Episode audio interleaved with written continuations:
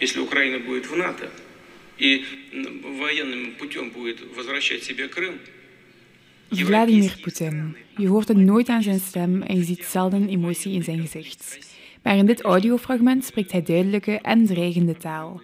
Als Oekraïne lid wordt van de NAVO en de Krim opnieuw probeert te veroveren, zullen alle Europese landen automatisch terechtkomen in een militair conflict met Rusland.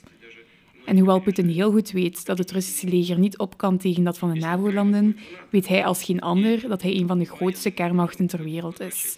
En dat Rusland er niet aan zal twijfelen om die nucleaire kracht in te zetten.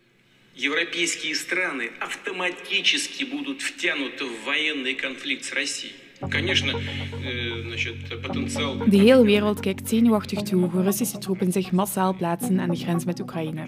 Terwijl premier De Croo Belgen in Oekraïne oproept om het land te verlaten, waarschuwt de Amerikaanse president Biden zijn Russische collega voor de gevolgen van een inval. Waarom kan Rusland Oekraïne niet loslaten? Van op de redactie van Bonjour, ik ben Suzanne Atmaka en dit is Bonjour Micro.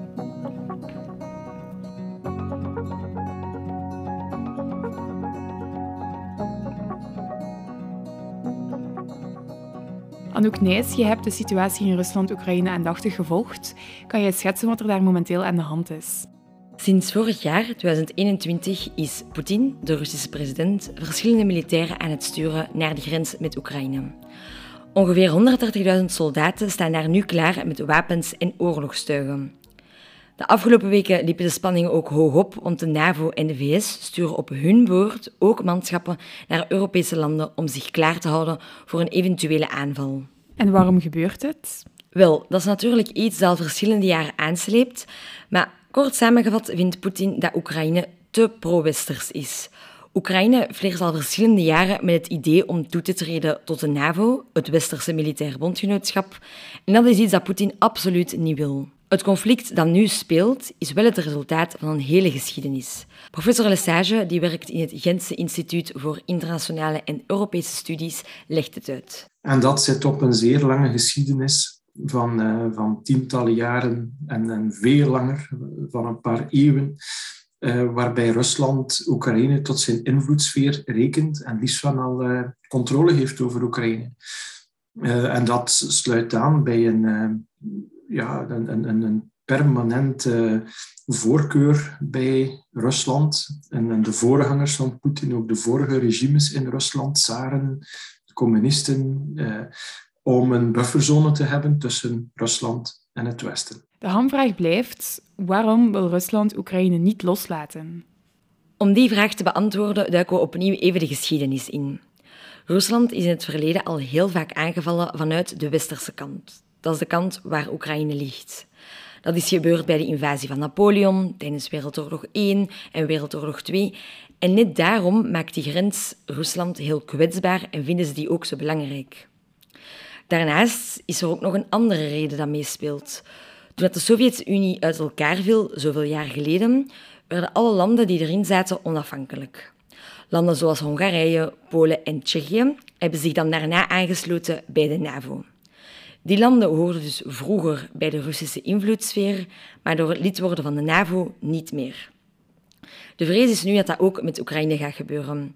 Als Oekraïne ook zou toetreden, heeft Poetin direct aan zijn grenzen te maken met landen die tot de NAVO behoren.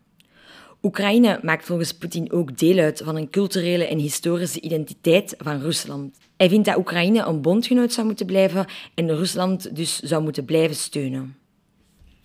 Het is nog steeds niet duidelijk wat al die militairen aan de Oekraïnse grens doen, waarom ze steeds talrijker worden. Maar wat wel duidelijk is, is dat Poetin zich precies echt wil verdedigen tegen het Westen en vooral tegen de NAVO, die hij als een grote bedreiging ziet.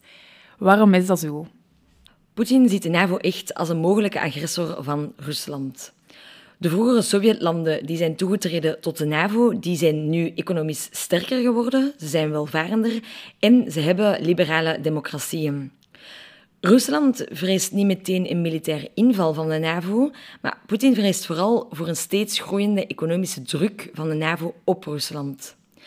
En daarbij komt ook nog eens dat hij vreest voor een opstand van zijn eigen bevolking, die de aantrekkelijke politieke modellen van de voormalige Sovjetlanden zien en dat ook willen. Volgens professor Lesage ziet Poetin het toetreden tot de NAVO zelfs als een belediging. Uh, Poetin is, is ook iemand die enerzijds zeer rationeel is en een goede schaker, denk ik, zo eh, in, in, in internationale politiek, geopolitiek, diplomatie, um, die goed nadenkt over al deze dingen en, en over alle zetten die hij zal zetten en de, de, de tegenzetten uh, waarop hij anticipeert. Maar tegelijkertijd, denk ik, is hij een nogal emotionele leider rond dat Russisch nationalisme. En wordt het hele idee van NAVO-uitbreiding door hem ook uh, beschouwd als een belediging. Als een belediging aan alle Russen en een belediging aan hemzelf. Poetin wil dus effectief garantie dat Oekraïne niet toetreedt tot de NAVO. Wat wil hij daar precies mee bereiken? Daar kan ik geen eenduidig antwoord op geven, omdat Poetin zelf natuurlijk alleen weet wat zijn plan is, maar er zijn dus wel verschillende denkpistes. Ten eerste heeft Poetin te maken met een binnenlands probleem dat steeds groter en groter aan het worden is. Er zijn protesten, financiële en economische moeilijkheden door de coronacrisis. Het is dus best mogelijk dat Poetin deze actie doet om populairder te worden bij het volk, omdat hij Rusland uitdraagt als een sterk land. Ten tweede, en dat heb ik al verschillende keren aangehaald, speelt de NAVO ook een grote rol. Poetin ziet de NAVO echt als een bedreiging. Het is dus ook mogelijk dat hij druk uitvoert met de militair aan de grens, omdat hij wacht op garantie dat Oekraïne nooit zou toetreden tot de NAVO. Professor Lesage denkt alleszins niet dat Poetin aan het broeden is op echt een grote invasie. Uh, een grote invasie voor Poetin zou zeer riskant zijn. Het Russische leger is niet zo sterk om in enkele dagen tijd heel Oekraïne uit te schakelen. Want het Oekraïnse leger is, al, is zelf sterk. Er zijn veel meer soldaten ter beschikking van Oekraïne dan die 130.000 Russen. Dus als hij zwaar wil uithalen, gaan er veel meer Russische troepen moeten komen. En dan gaan we een, een enorme oorlog krijgen met veel Russische verliezen ook. Het Russische leger wordt, wordt wat overschat, denk ik. Het Oekraïnse leger wordt wat onderschat. Het Oekraïnse leger wordt ook bewapend door de Verenigde Staten, door andere NAVO-landen. Uh, met, met, advies, met, met, uh, hoogtechnologische wapens, uh, met drones, noem maar op. Ehm, dus een, een, grote invasie zou, denk ik, juist kunnen bijdragen tot minder populariteit van Poetin in Rusland zelf, omdat de Russen geen zin hebben in een avontuur dat volledig uit de hand loopt en dat heel veel eigen slachtoffers maakt onder de soldaten.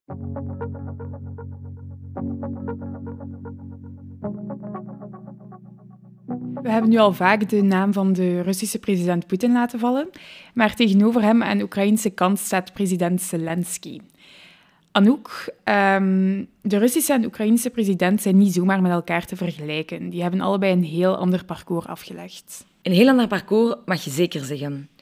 Poetin is opgegroeid in een ruige buurt van Leningrad, dat we nu kennen als Sint-Petersburg. Als kind op school noemde leerkrachten hem een hooligan. Hij was niet vies van vechten en hij veroorzaakte graag onrust in de klas.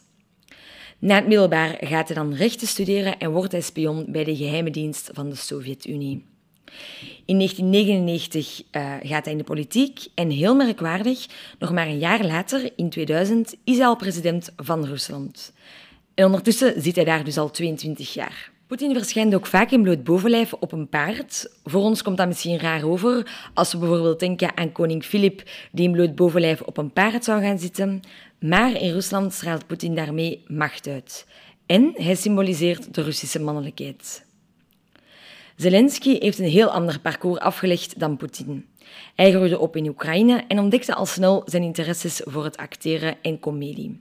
Hij studeert na zijn middelbaar rechten, maar hij bouwt zijn carrière verder uit als komiek en als acteur in de populaire serie Dienaar van het Volk.